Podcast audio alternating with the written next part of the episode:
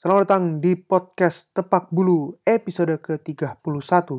Dan hari ini kita mau bagi-bagi rapot akhir tahun. Untuk siapa? Ya, kalau bukan lagi untuk tunggal putri kita. Mainkan intro. Good choice.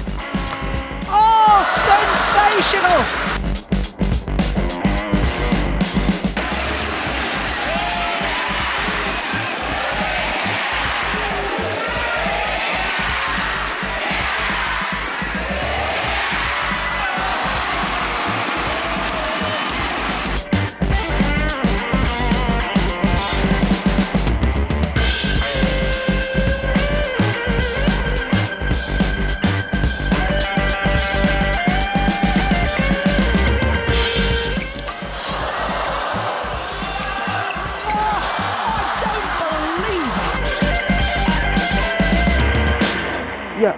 Episode ke-31 hari ini tanggal 6 November 2019, hari Rabu, tengah-tengah minggu, kita akan mau, bukan kita akan mau, kita akan ngebahas soal progres tunggal putri kita di tahun 2019 ini.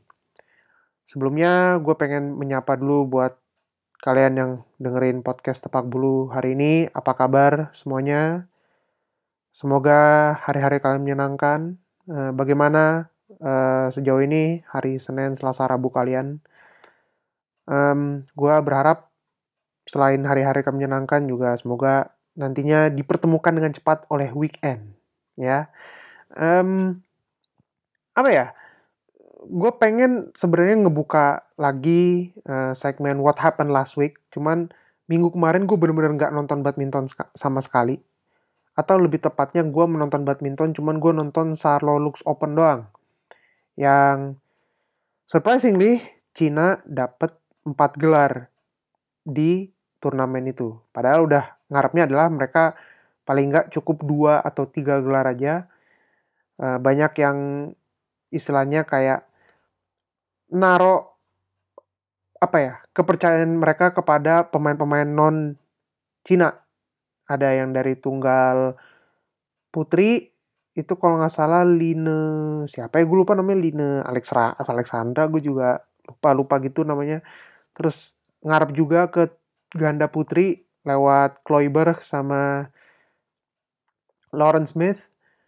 Terus juga ngarep juga di ganda putra lewat pasangan Denmark dan ternyata cuma nyangkut atau cuman istilahnya kita menggagalkan menggagalkan sapu bersih Cina lewat Lakshya Sen dari India. Mungkin itu doang yang bisa gua recap recap lagi recap dari what happened last week atau apa yang kejadian di minggu kemarin di seputaran badminton. Kalau dari apa ya hal-hal yang lain misalnya mungkin kayak Instagram atau apa gua nggak begitu ngikutin jujur sorry banget bukannya apa-apa tapi lebih tepatnya minggu kemarin hektik banget dengan adanya demo di kota gua kemudian juga gue lagi berkutat sama proyek kampus. Terus ya belum lagi juga emang em, apa gue juga kurang bisa kurang enak body lah gitu. Tapi ya gimana ya Em, paling nggak ada sesuatu yang bisa di recap lah gitu di minggu kemarin. Itu dia tadi what happened last week yang tidak ada intro ke segmennya Eh, dan mungkin itu doang yang bisa gue omongin di apa di segmen pertama hari ini dan kita langsung masuk aja deh ke topik utama kita hari ini.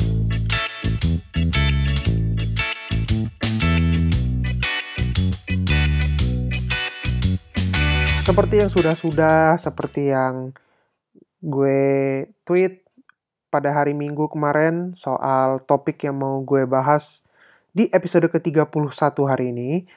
Dan banyak yang ngevote soal tolong dong apa namanya progres WS dibahas gitu. Tolong dong juga apa em, gue pengen sumbang suara juga di sini. Kebetulan gue udah nge-tweet soal yang mau nyumbang suara di rubrik netizen pada hari ini, tapi ternyata em, mungkin tweet gue miss atau emang orang-orang lagi sibuk aja eh, menjelang akhir tahun ini. Tapi ternyata gue juga sudah menemukan ya istilahnya koresponden reguler lah gitu, eh, yang sudah-sudah dari episode-episode sebelumnya dan nanti setelah gue ngebahas soal topik ini akan ada sambat atau istilahnya unek-unek dari Ulfa yang mungkin kalian beberapa dari kalian juga pasti nge-follow dia di Twitter @ulfawahyuni. Nanti kalian bisa dengerin aja sambatnya dia seperti apa gitu.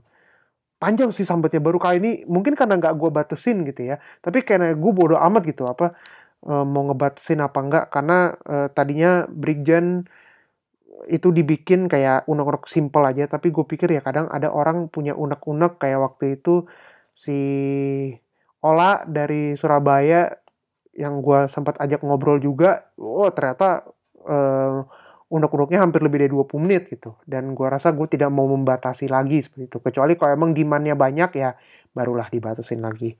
Alah cukup sama bahasa basinya kita akan apa ya kalau misalnya kita tiap datang ke sekolah akhir semester abis ulangan kan pasti bareng juga sama orang tua atau mungkin sama kakak kalian atau kakek kalian, nenek kalian atau mungkin adik kalian juga kalau misalnya kalian ajak untuk uh, istilahnya ambil rapot dan kali ini gue Ibi sebagai istilahnya apa ya host dari podcast Tepak Bulu akan berperan sebagai guru atau wali kelas dari WS ini.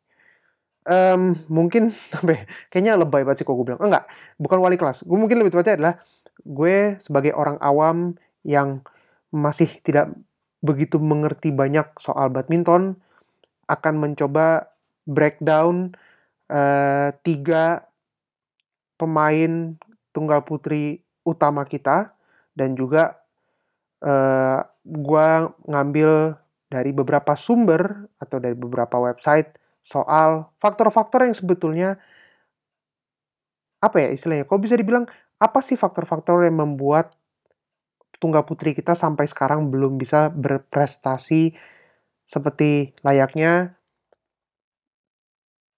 pemain-pemain dari sektor lain, macam ganda putra misalnya yang bergelimang prestasi hampir setiap tahun tuh nggak ada mereka nggak dapat gelar. Ya, sebelumnya kita akan breakdown dulu ke tiga pemain uh, utama kita. Ada Fitriani, ada Gregoria Mariska Tunjung, dan ada juga Mei Mei atau Ruseli Hartawan. Kita akan lihat dari istilahnya dari progres sejauh ini mereka udah berapa kali ikut turnamen, kemudian juga um, sampai sejauh mana sih mereka bisa melaju di turnamen-turnamen itu dan kemudian nantinya akan kita bahas dari berbagai sudut pandang faktor-faktor yang membuat tunggal putri kita sampai sekarang belum bisa meraih juara di Super 500 ke atas gitu. Ya, kita mulai dari pertama yaitu Fitriani. So, Fitriani awal tahun ini mengejutkan bisa dibilang. Jujur jujur jujuran aja nih. Gue bilang mengejutkan karena dia bisa juara perlu diingat bahwa uh, tunggal putri kita tuh belum pernah juara lagi uh, semenjak 2012 apa 2013 gue lupa pokoknya. Dan itu juga bukan levelnya super series. Dan bahkan bisa dibilang tunggal putri kita dari super series um, dimulai 2007 atau istilahnya sistem super series diterapkan dari tahun 2007 sampai 2007 apa 2009 gue lupa. Pokoknya dari 2007 sampai 2017 kemarin itu kita tidak mendapatkan satu gelar pun Super Series dari tunggal putri kita gitu. Dan Fitriani kebetulan awal tahun ini juara Thailand Master Super 300 yang kalaupun disamakan dengan sistem yang sebelumnya itu hanyalah Grand Prix Gold. Jadi ya belum bisa dikatakan kita udah dapat gelar Super Series lagi. Sayangnya begitu. Namun istilahnya dengan Fitriani juara Thailand Master Super 300 di bulan Januari ta awal tahun ini itu kayak kita seolah-olah dikasih harapan bahwa wah paling nggak eh, kita bisa lihat nih Fitriani sama Georgie bisa apa ya bersaing atau minimal eh, konsisten quarter final di Super 500 ke atas lah begitu. Ternyata bisa dibilang tidak sama sekali atau bahkan mungkin jauh dari harapan kita. Rekor Fitriani di 2019 sejauh ini dari 20 turnamen yang sudah diikuti, dia dapat satu kali juara, dua kali masuk quarter final, sisanya ya ronde 6 apa ronde 1 atau ronde 2 gitu. Kalau mau kita list turnamen udah diikuti, Fitriani juara di Thailand Thailand Masters. Lalu terhenti di babak 16 besar di Malaysia Masters lawan He Bingjao. Terhenti di babak 16 besar di Indonesia Master lawan Saina. Babak 16 besar Barca Masters lawan Chayan Yan. Babak 16 besar German Open lawan Sayaka Takahashi. Kalian akan se- sering dengar nama ini. Percayalah, tenang. Ronde pertama All England lawan He Bingjao. Nama yang akan sering didengar juga. Ronde pertama Malaysia Open lawan lawan Sung Ji Hyun. La- ronde pertama Singapore Open lawan Mai atau Ratchanok Intanon. Ronde pertama Badminton Asia Championship lawan tebak, ada yang bisa tebak? Gua kasih 5 detik ya. 5 4 3 2 1. Nggak ada yang bisa jawab? Oke. Lawan Sonia Cha dari Malaysia. Babak kedua atau 16 besar, New Zealand Open kalah lawan Aya Ohori. Babak pertama, Australian Open lawan Chang Yiman dari Cina. Babak pertama, Indonesia Open lawan Chen, Chen Yufei. Jepang Open, babak pertama lawan Chen Yufei lagi. Quarter final, setelah hampir lebih dari 10 turnamen baru masuk quarter final, Thailand Open lawan Sayaka Takahashi. Ronde pertama, Badminton World Championship lawan Tai Tzu-ying.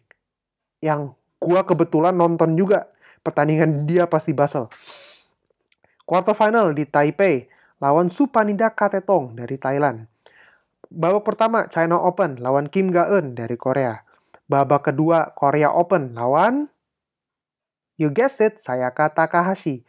Babak pertama Denmark Open lawan Chayan Yan. Babak kedua Prancis terbuka atau French Open lawan He Bingjao. Jadi bisa dilihat um, Sayaka Takahashi, He Bingjao itu ngalahin Fitriani udah tiga kali dalam tahun ini. Bayangin aja coba. Um, kalau apa ya? Kalau menilik kenapa apa faktor-faktor yang menyebabkan Fitri sulit sekali menang lawan nama-nama tertentu ya gue nggak akan bisa jelasin tapi gue mungkin nanti akan bacain faktor-faktor yang dijabarkan oleh para netizen yang sudah menulis lewat website atau lewat blog mereka. Gitu. Sekarang kita beralih ke Gregoria Mariska Tunjung atau Georgie. Georgie terakhir kali juara itu tahun 2017. Ada yang tahu? Iya, betul sekali. World Junior Championship di Indonesia, di Yogyakarta. Rekor dia di 2019 sejauh ini dari 18 kali turnamen, 3 kali masuk quarter final, sisanya ya ronde 1, ronde 2. Gak ikut di Thailand Open, karena memang waktu itu, kalau nggak salah ikut di Thailand, Thailand, Thailand Open, sorry. Gak ikut Thailand Masters, karena di Thailand Masters yang ikut cuman Fitriani sama Ruseli, uh, waktu itu Georgie langsung diproyeksiin untuk bertanding di turnamen-turnamen uh, super 3 super 500 ke atas gitu. Ronde pertama Malaysia Masters uh, lawan Mai. Ronde kedua Indonesia Masters kalah lawan Sindu. Ronde pertama German Open kalah lawan Ruseli atau Mei Mei. Ronde pertama All England kalah lawan Nozomi. Ronde pertama Malaysia Open kalah lawan Mai. Ronde pertama Singapore Open kalah lawan Mia Blichfeld. Ronde kedua Badminton Asia Championship lawan Chen Yufei. Quarter final pertama New Zealand Open kalah lawan Akane Yamaguchi. Ronde pertama Australia Open kalah kalah lawan Michelle dari Kanada. Ronde kedua Indonesia Open kalah lawan Mai, udah dua kali, udah tiga kali. Ronde kedua Japan Open kalah lawan Tai Tzu-ying. Ronde pertama Thailand Open kalah lawan Sung Ji Hyun. Ronde kedua Badminton World Championship kalah lagi sama Mai, empat kali udah. Quarter final Taipei lawan Sung Ji Hyun udah kalah dua kali. Ronde pertama China Open kalah lawan Sang Beiwen dari Amerika Serikat. Quarter final Korea Open kalah lawan Tai Ying. Udah dua kali kalah lawan Tai Ying. Ronde pertama Denmark Open kalah lawan Sindu. Ronde pertama Prancis terbuka atau French Open kalah lawan He Bingjiao.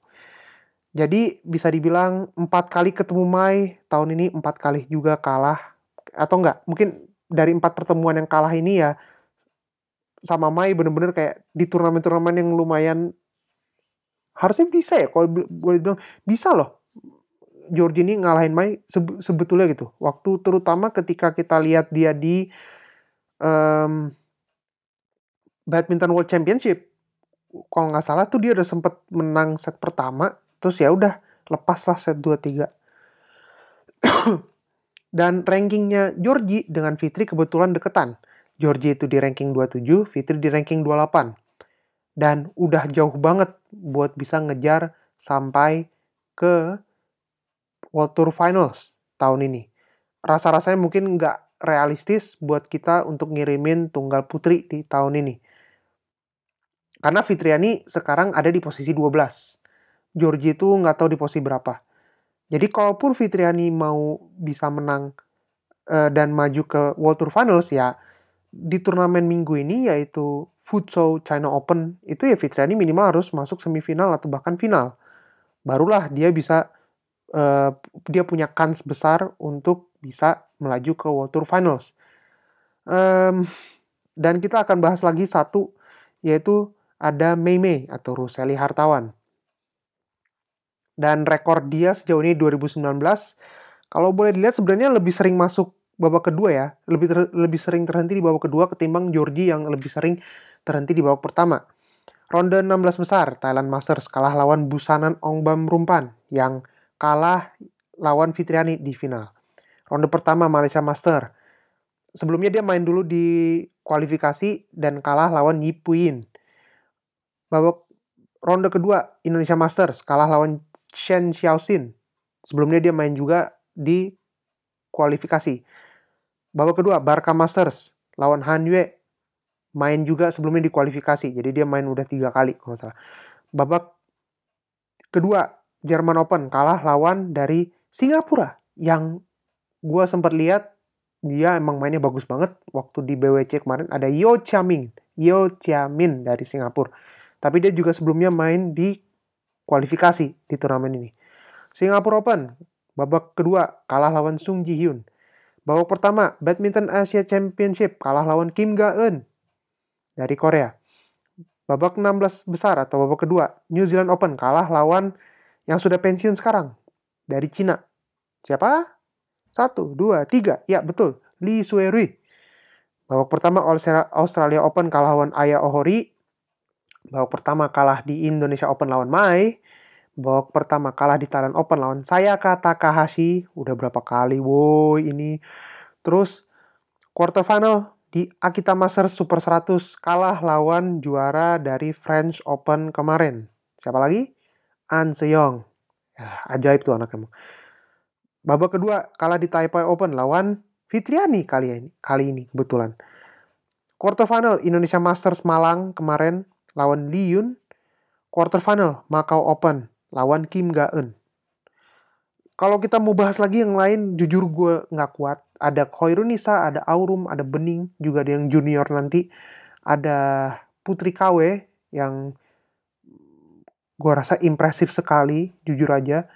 Um, well, kalau kita lihat apa faktor-faktor yang menyebabkan sebetulnya WS kita sampai sekarang masih belum bisa berkembang. Gue udah ambil um, dua sumber yang gue rasa mungkin adalah opini pribadi dari penikmat bulu tangkis juga.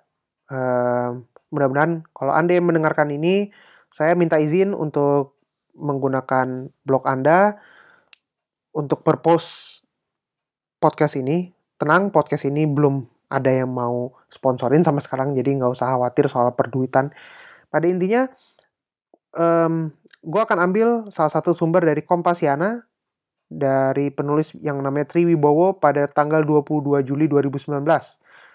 Mungkin outdated ya, atau kayak lebih tepatnya nggak update. Tapi paling nggak sebetulnya ini masih relevan sampai sekarang. Bahkan mungkin dulu-dulu sampai sekarang masih relevan sekali. Em, dia bertanya lewat judulnya adalah kapan sektor tunggal putri Indonesia bangkit? Well, buat teman-teman yang mungkin sudah mengikuti badminton dari lama, eh, tunggal putri Indonesia kita tuh sudah tidur terlalu lama. Terakhir kita punya eh, Maria Christine, Em, terus ada juga Linda Weni yang dapat medali perunggu di kejuaraan dunia di 2015 di Jakarta. Tapi selebihnya setelah itu ya udah nggak apa namanya udah nggak ada well udah nggak ada lagi istilahnya tidak ada apa ya tidak ada yang signifikan lah gitu istilahnya em, pencapaian prestasi yang signifikan atau signifikan atau bahkan yang bisa dibilang sebagai apa ya, penanda bahwa kita punya generasi em, baru untuk tunggal putri kita. Jujur sebenarnya faktor-faktor ini sudah sering disebutkan, sudah sering yang banyak yang nge-tweet, banyak juga yang protes atau bahkan banyak juga yang ngomongin ini. Tapi fa- dua faktor yang sering kita em, apa ya, yang sering kita bahas atau bahkan yang udah sering kalian dengar, sering kalian lihat juga itu adalah stamina sama mental. Di sini beliau berkata bahwa faktor stamina jelas sekali, kemudian variasi serangan, pertahanan dan mental. Dua faktor, sebenarnya ada empat, tapi ya dianggap sebagai dua lah gitu. Mengapa begitu? Dari sudut pandang gue sebetulnya, stamina jelas. Karena eh, kalau kalian lihat em, Georgie misalnya, ketika Georgie dipaksa main rubber melawan pemain yang istilahnya betul-betul mempunyai mental yang sudah terasah, sudah teruji di level-level tertinggi seperti Mai misalnya yang seperti sudah sering mengalahkan Georgie di tahun ini aja udah empat kali. Stamina Georgie ketika di akhir-akhir set ketiga ya sudah menurun sekali jauh. Dan itu menjadi faktor yang sangat penting gitu. Istilahnya sangat penting dalam artian apa ya? Dalam artian bahwa stamina yang ah, stamina pemain kita itu jauh di bawah standar tunggal putri saat ini. Atau bahkan bisa dibilang tunggal putri top 10 lah kalau mau kita spesifik lagi. Kalau kita lihat contoh misalnya seperti Carolina Marin, Tai Tsuying, Akane Yamaguchi, PV Sindhu, Nozomi Okuhara yang saat ini menjadi nomor satu eh, dunia.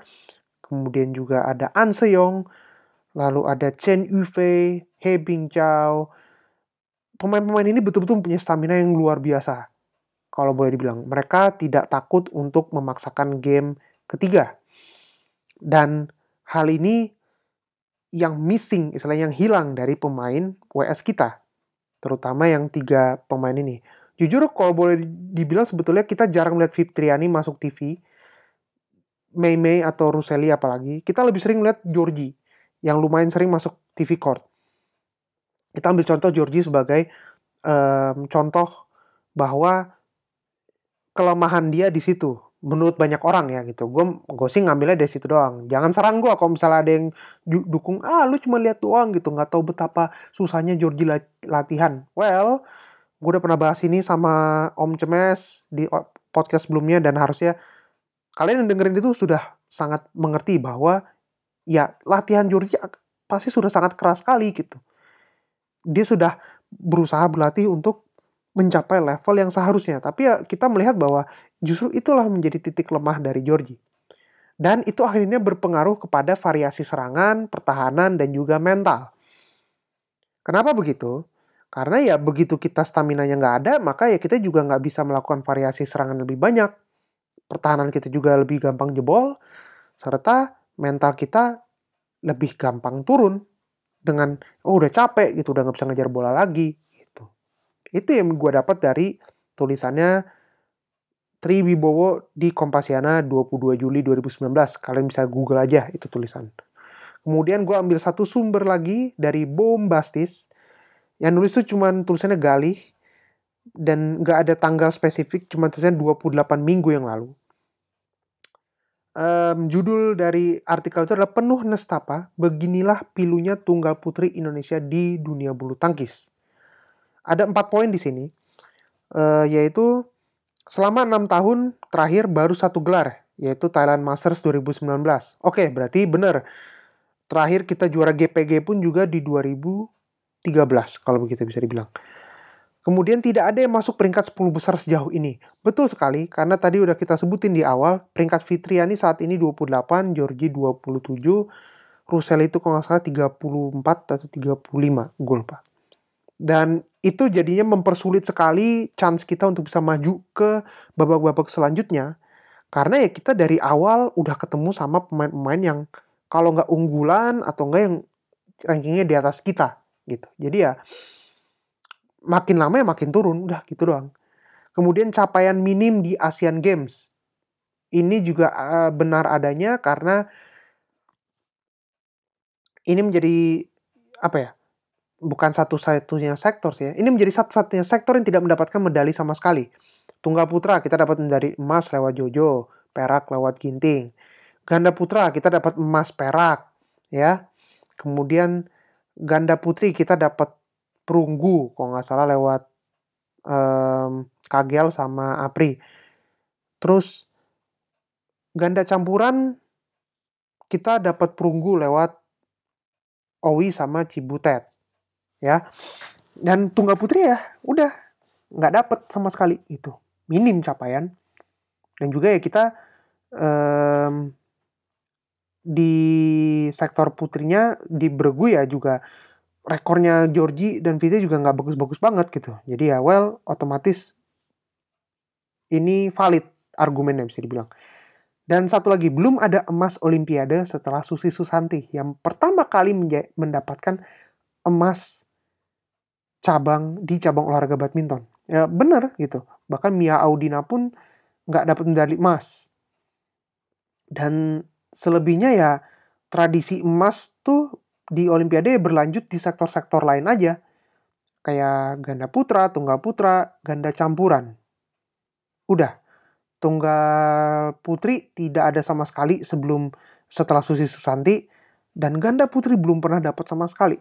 Itu akan kita bahas nanti di lain hari lah untuk ganda putri.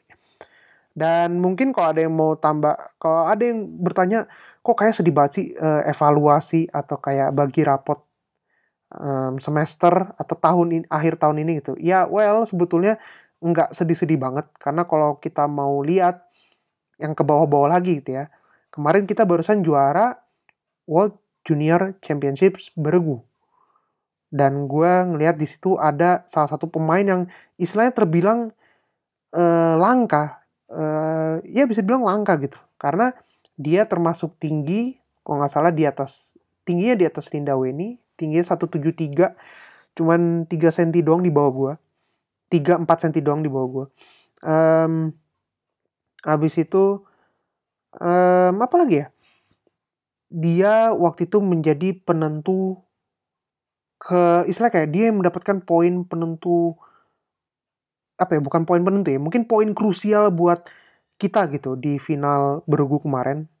Karena eh, harusnya tadinya kita bisa menang 3-0 jadi karena Bobby kalah well apa namanya itu bisa kejadian apa pun beregu emang tidak pernah apa ya tidak pernah pasti lah. Tapi gue impresif apa istilah gue ngeliat penampilan Putri KW di sini impresif sekali gitu kalau boleh gue bilang gue seneng lihat bagaimana dia eh, bermain tidak menggunakan pola-pola yang biasa digunakan oleh para pemain tunggal putri kita yang lain gitu. Artinya dia mau lebih banyak nyerang, inisiatifnya lebih bagus mungkin karena dia masih junior dan apa kalau nggak salah umur dia baru 17 atau 18 kalau 17 sorry umurnya baru 17 dan yang pen- yang terpenting sebetulnya adalah eh, pemain ini eh, pemain-pemain seperti setipe Putri KW ini harus dimonitor betul. Karena kita juga pernah melihat hal yang sama lewat Georgie waktu itu yang juara tunggal putri junior di 2017. Kita waktu itu nggak berharap banyak bahwa wah dia bisa langsung naik ke seperti kayak An Soyong sekarang lah gitu. Nggak, nggak, nggak. Tapi ya tapi ya apa ya namanya ya? Ya kalau gue ngeliatnya adalah bahwa mudah-mudahan gitu ya Putri KW dan apa pemain-pemain setipe dia atau yang istilahnya di bawah dia lagi kayak macam Stephanie Wijaya misalnya itu jika dimonitor dengan benar mudah-mudahan mereka bisa menjadi generasi pebulu tangkis tunggal putri kita yang baru yang istilahnya betul-betul siap bersaing di level atas nantinya begitu. Mereka masih muda jadi mereka apa ya? Hmm, kalau boleh kalau boleh gue bilang masih dimonitor sekali progresnya gitu. Jadi ya apa ya harapan gue sebagai penikmat badminton adalah mudah-mudahan kita bisa melihat kembali tunggal putri kita meraih prestasi sama bagusnya dengan atau bahkan lebih bagus lagi dengan Ci Susi Susanti yang filmnya beberapa minggu yang lalu udah keluar. Bukan promosi film atau apa gue tidak bayar tapi ya kalau kalian menonton banyak yang bilang di Twitter katanya bagus filmnya mungkin ada beberapa satu dua isu yang mungkin orang nggak suka karena selera aja gitu tapi ya well kalau ada kalau ada yang mau nonton ya silakan nonton aja gitu dan mudah-mudahan kalau kalian dengerin ini dan mau ngebahas itu ke gue karena gue mungkin karena gue tidak mungkin menonton film itu uh, secara secara langsung ya bisa kontak aja ke podcast tepak bulu di Twitter atau di Instagram atau lewat email. Udah. Uh, apalagi ya? Tadi rapot semesteran kalau misalnya dikasih nilai apa ya? Nilai dari nilai sistem A, B, C, D hmm, B minus mungkin ya. Atau nggak tahu lah istilahnya. Biar kalian sendiri juga menilai selayaknya apa selayaknya apa gitu tapi yang jelas harapan gue di tunggal putri ini semoga betul-betul di bawah arahan ko, uh, coach Oni ini bisa apa ya istilahnya mudah-mudahan bisa berkembang dan bahkan bisa mulai meraih gelar juara yang bergengsi seperti Super 500 ke atas. Udah itu dulu. Dan mungkin kalau harapan realistis adalah konsisten minimal quarter final udah itu dulu deh harapan gue gitu. Itu mungkin misuh-misuh gue. Dan sebelum kita tutup episode ke-31 hari ini, gue persembahkan ke kalian misuh-misuh atau sambat dari salah satu anak Twitter juga yang udah sering istilahnya mungkin dia udah sekarang dia uh, appearance atau kayak istilahnya mungkin udah mas uh, sekarang episode ini episode ketiga dia muncul di podcast Tepak Bulu. Tanpa perlu berlama-lama lagi, ini dia Ulfa dari Twitter Ulfa Wahyuni. Halo semuanya, kembali lagi sama gue. Apa sih Pak? Ya pokoknya kalau kalian pernah dengerin podcastnya dari episode sebelum-sebelumnya yang ya sekitar bulan apa ya gue lupa pokoknya uh, nama gue Ulfa dan ya gue udah pernah ngisi di sini lebih dari sekali ya gitu bisa dibilang oke jadi hari ini gue mau ngebacot ya ngebacot kok yang enak ya bahas yang ngebacot ya pokoknya intinya gue pengen mengeluarkan unek-unek gue opini gue mengenai uh, women singles terutama uh, women singlesnya Indonesia gitu. Dan gue pribadi memang lebih tertarik untuk mengikuti dinamikanya WS. Apalagi di top 10-nya sendiri tuh udah sikut sana sikut sini banget lah gitu. Tapi yang disayangkan tidak ada nama atlet Indonesia di jajaran top 10 itu. Dan di antara disiplin yang lain tuh cuman di women singles aja nih yang nggak ada gitu. Sakit gak sih ngeliatnya? aduh gimana ya gitu sebenarnya apa sih problemnya women singles kita gitu ini berdasarkan kesotoyan guanya aja ya yang satu uh, kita masalah regenerasi regenerasinya WS kalau yang gue lihat sih agak sedikit susah gitu dan squadnya juga kalau gue nggak salah inget sih uh, squad yang ada pun sekarang cuma ada Georgie, Fitri, Mei Mei, uh, Choironisa, Bening, Aurum. Cuma ada enam orang gitu. Yang di baik Pratama maupun utama ya. Ini ini jadi semuanya all in squad gitu. Beda kayak tunggal putra KMS itu kan uh, kita udah punya uh, sekarang ada Jojo uh, Jojo Ginting and then Vito. Terus di bawahnya juga ada Rumbai ada ada ada Ciko ada Rumbai ada Vicky kalau nggak salah. Eh gue lupa Vicky tuh masuk platnas nggak? Eh masuk squad Pratama utama atau dia magang? Gue lupa.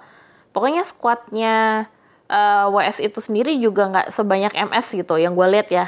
Itu yang pertama oh iya di WS enggaknya sekarang udah ada uh, junior juga udah ada Yasnita udah ada Putri KW udah ada Stephanie. Which means sekarang berarti ada 9 ya. Tapi tetap dibandingkan dengan uh, tunggal putra sendiri juga bibitnya nggak banyak. Gitu. Itu yang pertama. Yang kedua itu masalah uh, confidence-nya mereka ya. Yang sering gue perhatiin gitu. Ambil contoh uh, misalnya kayak Georgie deh gitu yang gue contohin sekarang. Yang bikin gue bukan males ya apa sih kayak yang gue kurang tertarik sama Georgie itu adalah uh, ekspresinya. Dia kayak benar-benar menunjukkan ini pendapat gue ya jangan diserang tolong please gitu.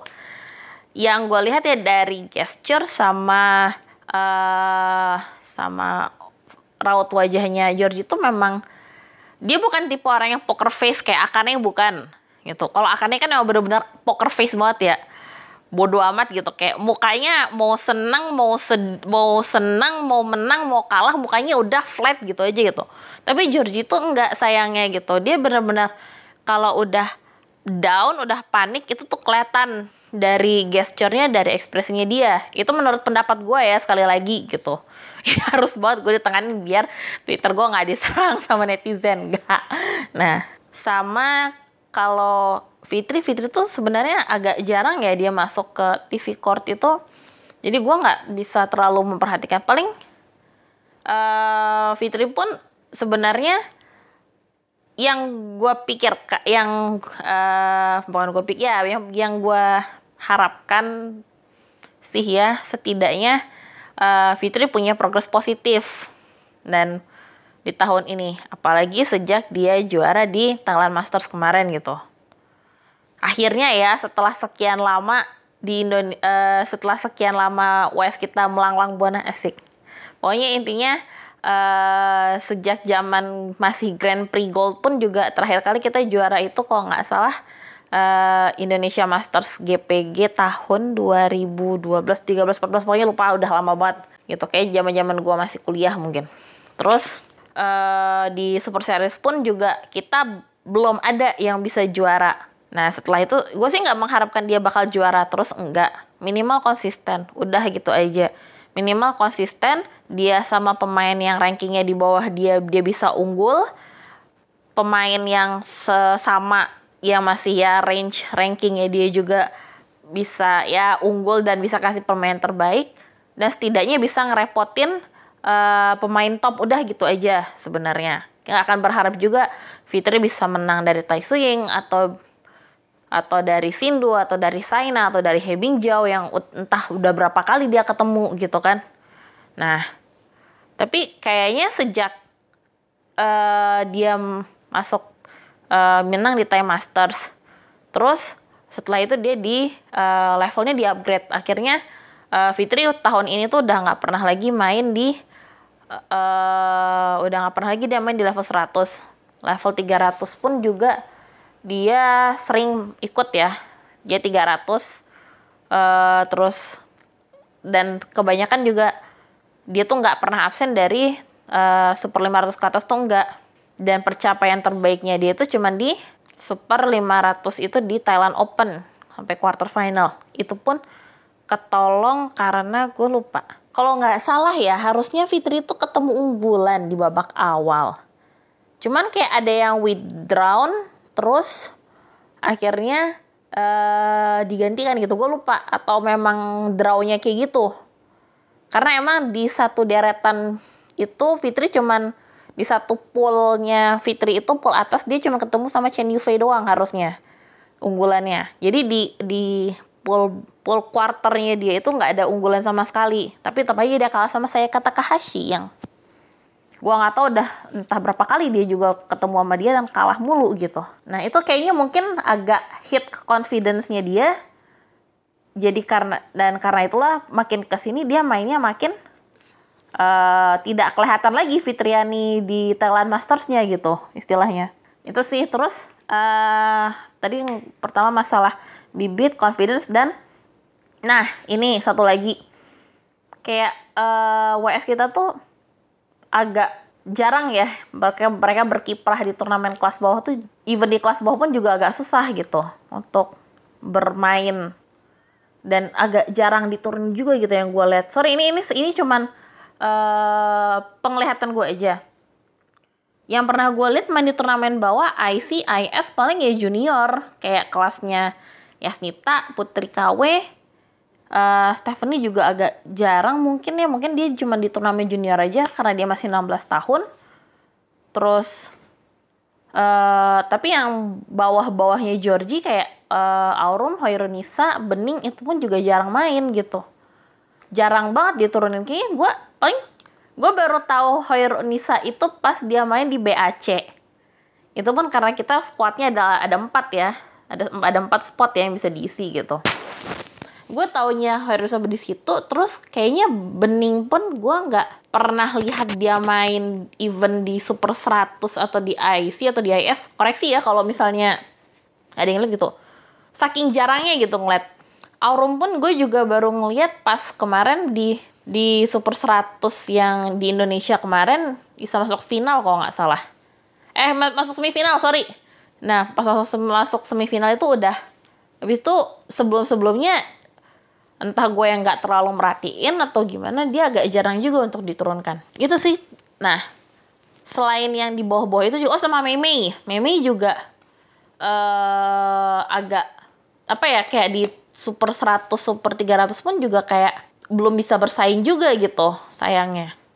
Padahal di antara squad women singles itu setahu gue eh Meme yang paling tua paling senior. Sama oh iya di WS itu selain bibitnya dikit juga mereka tuh nggak punya sosok senior gitu. Sosok senior terakhir mereka itu si Hana. Hana sama eh kak ini kak Linda Weni. Udah eh Linda Weni akhirnya dia gantung raket setelah Rio. Terus Hana itu mundur pas 2017 ya gue lupa. 2017 2018 gue itu. Pokoknya benar-benar nggak ada nggak punya sosok senior sama sekali gitu. Itu mungkin nih dan di situ ya mungkin pengaruhnya mereka dan itu mereka jadi kayak merasa terbebani bahwa oh gue di women singles nggak ada senior nih berarti gue harus bagus banget gitu. Mungkin eh, karena terbebani itulah akhirnya berdampak juga ke psikis and mentality-nya mereka gitu. Agak disayangkan sih sebenarnya gitu ya karena gue lupa di di timeline itu gue pernah baca gue lupa siapa yang nge-tweet atau apa gitu kalau nggak salah. Jadi target Ciminarti itu punya target di 2019 itu buat WS kalau gue nggak salah inget ya eh, punya satu gelar di super 100 sampai 300 terus punya satu gelar di super 500 ke atas sama punya satu WS yang eh bisa lolos ke World Tour Final World Tour Final. Kalau nggak salah ya gue pernah pernah baca nih di Twitter. Tapi yang kecapai itu sayangnya cuma satu.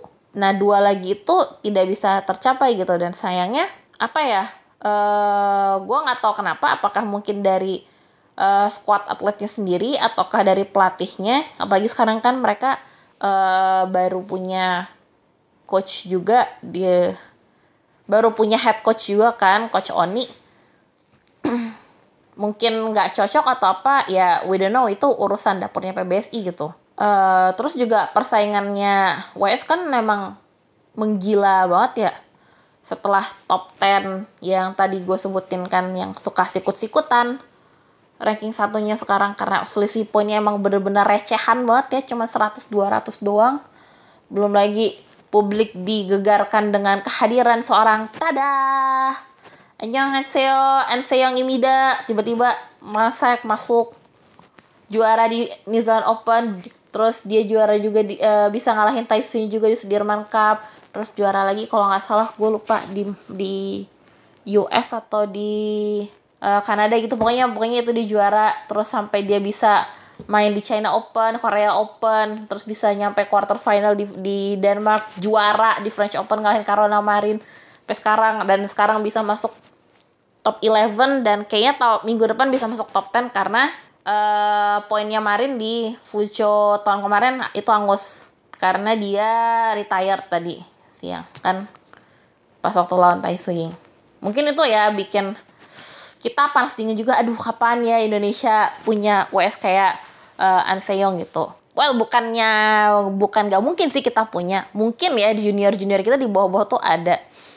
Uh, mungkin ya kayak Nita uh, kayak Yasnita kayak Putri mungkin bisa uh, apa bisa membuat kejutan gitu mungkin ya gitu gue uh, tidak berekspek tidak berekspektasi berlebihan dulu lah sama mereka. Nanti dulu deh gitu. Yang penting mereka bisa main bisa bisa main bagus bisa kons bisa bersaing bisa konsisten. Udah gitu aja. Apalagi uh, Yasnita tahun depan dia udah masuk senior. Putri KW mungkin bakal masih tetap di junior karena dia tahun depan dia adalah tahun terakhir dia di junior. Terus Stephanie masih punya dua tahun lagi lah di junior gitu. Mungkin ya uh, bibit-bibit mereka semoga aja mereka nggak salah asuh nggak salah di bisa bersaing juga dan punya mental yang lebih kuat juga dari senior seniornya mungkin gitu. Uh, terus untuk uh, Tokyo 2020 gimana nih gitu well sekarang sih realistically-nya ya cuma bisa ngirim satu gitu. Mungkin pas awal-awal tahun mikirnya oh Georgie nih yang bakal bisa main nih ke OG gitu. Oh, tapi ngeliat Georgie juga progresi tahun ini gak bagus-bagus banget dan puncaknya dia rankingnya melorot jauh banget bahkan jadi nempel banget sama Fitri gitu kan. Who knows ke depannya kayak gimana. Itu dia tadi misuh-misuh atau sambat dari teman kita yaitu Ulfa. Terima kasih udah mau menyumbangkan suaranya di episode yang panjang hari ini hampir 49 menit. Dan sekali lagi terima kasih buat teman-teman yang sudah mau standby dan betah dengerin episode hari ini. Jangan lupa subscribe, uh, follow podcast Tepak Bulu di platform podcast kesayangan kalian di Apple Podcast, Google Podcast, Spotify, apalagi uh, SoundCloud. Ya, mungkin kalian bisa dengerin yang lama-lama di situ. Terus juga kalau ada kritik dan saran bisa kirim email ke podcast.tepakbulu at gmail.com atau kalau mau follow sosial media podcast Tepak Bulu bisa ke Twitter di at bulu tepak atau ke Instagram at podcast.tepakbulu. Sekali lagi terima kasih dan Gue Ibi cabut, sampai jumpa di episode minggu depan. Peace.